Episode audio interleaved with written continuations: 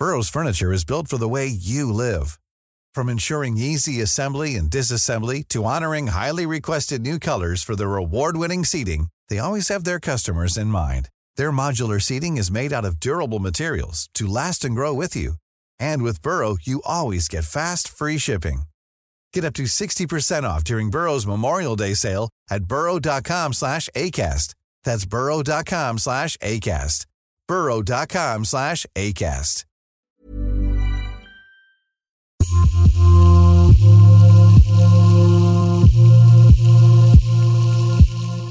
لكن أنا بتمنى على مواطنينا انه لما نطلع بال بال بال بالجرده التف... التفصيليه يطلعوا عليها. طيب. لا ندعي أنها كاملة. لا ندعي أنه لا يمكن تحسين راضي عنها؟ راضي أنت عن هذه الإنجازات حتى الآن خلال عام؟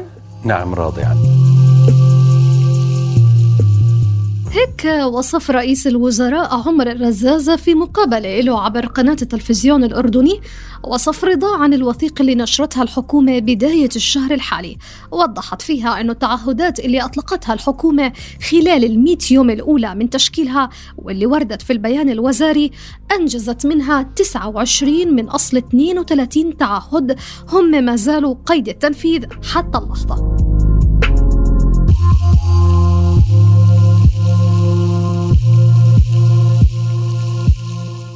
تقييم الإنجازات الاقتصادية في عهد حكومة عمر الرزاز هو الموضوع اللي راح نناقشه اليوم في الحلقة السابعة من الموسم الثاني من برنامج البرلمان والذي يأتيكم من منصة صوت وبيهدف لإشراك المواطنين في السياسات البرلمانية وتوصيل قضاياهم وهمومهم لممثليهم في مجلس النواب.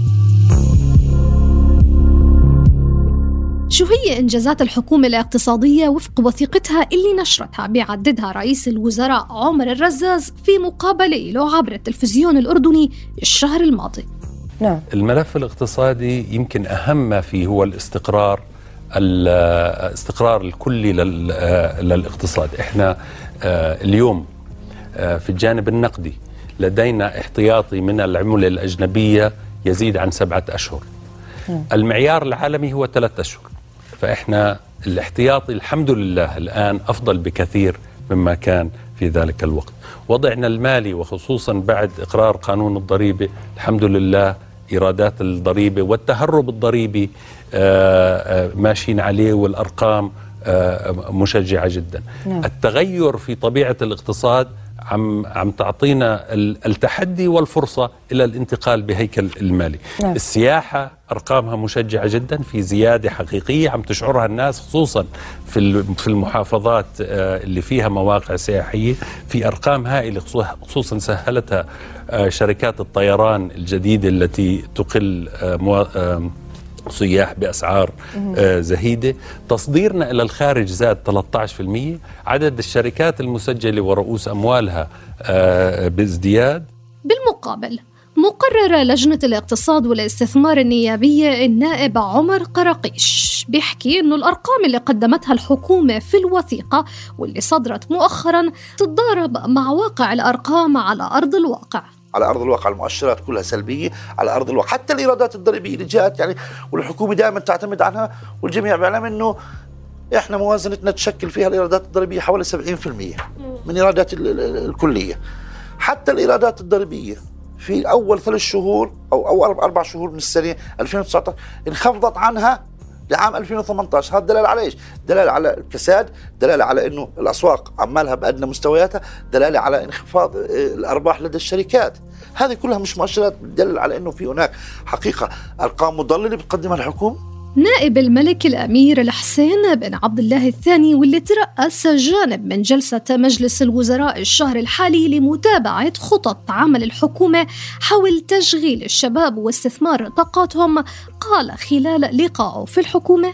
يعطيكم العافية جميعا. آه، بداية آه، بوصل آه، تحيات جلالة سيدنا وأمرني أتابع معكم اليوم بعض المواضيع المهمة وأتابع معكم خطط عمل الحكومة بموضوع تشغيل الشباب واستغلال آه، أو بالأدق استثمار آه، طاقاتهم. تحقيق أهدافنا بتبني فكر جديد وأساليب آه، غير تقليدية آه، للنهوض بالاقتصاد الوطني.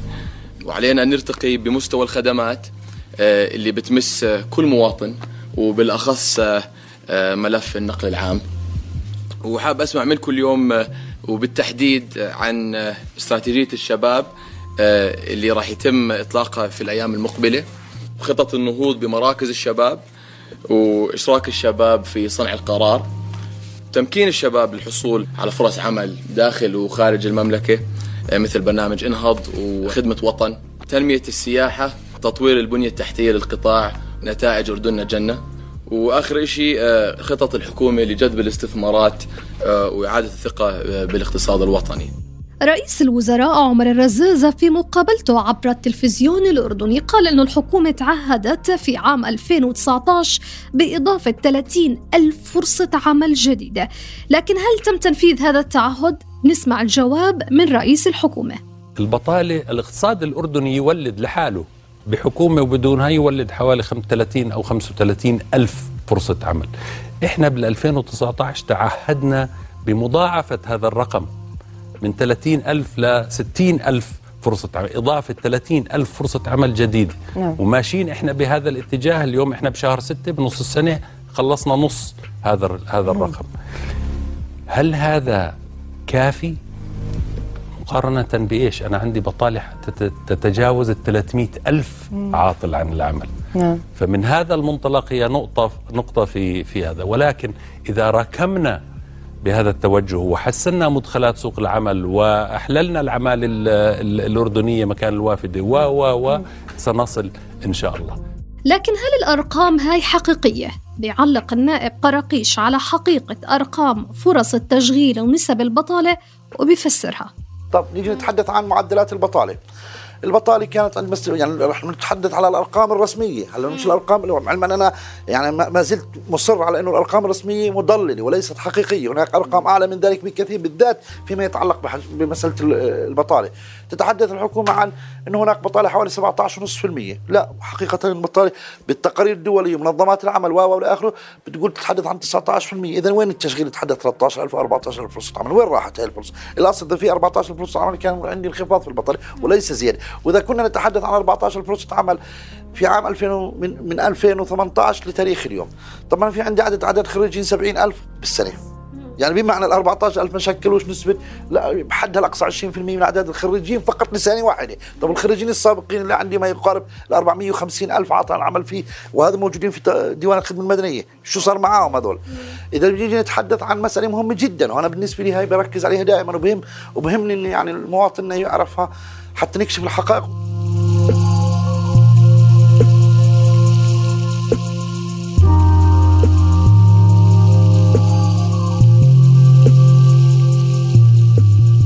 مدير برنامج راصد عمرو النويسي وفي تقريرهم رزاز ميتر حول أداء الحكومة خلال عام على تشكيلها. بيوصف أرقام فرص التشغيل والتوظيف بأنها أرقام تحتوي على الكثير من المغالطات بالاستناد على تصريحات أعضاء من الحكومة نفسها واللي تناولت أرقام مختلفة للتشغيل. نتحدث آه، عن تقريبا آه، اختلاف في تصريح آه، لمثلا الناطق الرسمي في شهر آذار وفرت الحكومة في أول ثلاثة أشهر 3500 فرصة عمل. بينما في شهر أيار قالت أن الحكومة وفرت 10000 فرصة عمل. هذا يعني هناك جاب وهناك فجوة كبيرة في الشهر شهر الرابع أي أن الحكومة وفرت 6500 فرصة عمل. هل هذه الأرقام منطقية؟ هل هذه الأرقام حقيقية؟ كيف لنا كمراقبين؟ لا, لا أريد أن أتحدث كراسل لا أريد أن أتحدث كمواطن طبيعي كيف لي كمواطن أن أتأكد من هذه الأرقام أين هي فرص العمل؟ أين تم توظيف الشباب والشابات؟ يستطيع النواب أيضا أن يدلوا بدلوهم في هذا الإطار من خلال توجيه أسئلة وهو ما كفله الدستور الأردني للسادة البرلمانيين والبرلمانيات أن يوجهوا أسئلة ما هي فرص العمل التي تم توفيرها؟ وهل هي ضمن الحد الأدنى للأجور؟ هل هي ضمن سقف الضمان الاجتماعي الموجود في الأردن؟ وهذا بيقودنا لحقيقة الأرقام اللي وردت في وثيقة الحكومة واللي أعلنتها بالتفصيل. وهون بيوضح مقرر لجنة الاستثمار والاقتصاد قرقيش أرقام أخرى. نتحدث عن معدلات النمو. معدلات النمو تتحدث عن 2 في الدولة تتحدث عن 2% وهي أعلنت في برنامجها أنها راح تكون ما بين 2 2 و4 بالعشرة ل 2 و7 إذا هي ثبتت على 2 إذا ما فيش معدل نمو بقي كما هو. وبل بالعكس انخفض كمان. وحتى الحكومة بتعلن عن انخفاض. يعني الآن نتحدث بجوز على 1.8 بالعشرة بالمية يعني أقل مما كان هو مرسوم. نتحدث الآن عن حجم المديونية. عندما استلمت حكومة الرزاز كانت مديونية الدولة الأردنية ما يقارب حوالي 27 أو 26 نص مليار دينار أردني ما يقارب يعني 38 مليار. اليوم نتحدث عن 40 مليار دولار نتحدث عن 29 مليار دينار أردني. إذا ارتفاع حجم المديونية.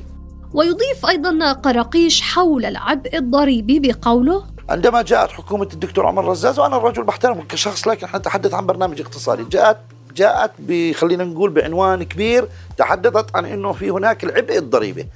كانت تتحدث عن إنه العبء الضريبي يشكل في الأردن ما تقريبا نسبته 26.5% وهذا رقم حقيقي ما بين ضريبة الدخل وضريبه الضريبة المباشرة على السلع أو الضمان الاجتماعي.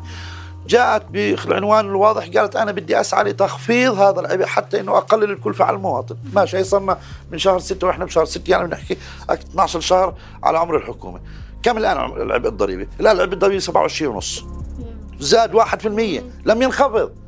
الحكومة أعلنت في تقريرها عن ارتفاع نسب الاستثمار وفق التقرير ارتفع حجم الاستثمار الكلي خلال الربع الأول من عام 2019 بواقع 207 مليون و300 ألف دينار مقارنة مع 196 مليون و800 ألف دينار خلال الفترة نفسها من عام 2018 لكن هاي الأرقام بفندها النائب قرقيش بقوله. لأنه أنت تعلم إنه هناك المواطنين اليوم خلينا نحكيها باللغة البسيطة يعني ولغة مواطننا وإحنا كلنا جزء من هذا الوطن. أنت بتعرف إنه اليوم في أغلبية المواطنين قاعدين بيلجأوا للقروض فلما بده يروح على بنك ولا بده يروح لمؤسسة استقراض وكذا يكون قال له جيب لي إثبات إنه عندك سجل تجاري. بروح مسجل شركة رأس مالها 1000 دينار و2000 دينار. الحكومة بتعتبر تسجيل الشركات هذا مؤشر لنمو أعداد الشركات. هي مش مؤشر هي دلالة على إنه يعني تسجيل بهذه الشركات هي ارتفاع المديونيه لدى المواطنين. لكن هل حقيقة هذه الشركات على أرض الواقع اشتغلت؟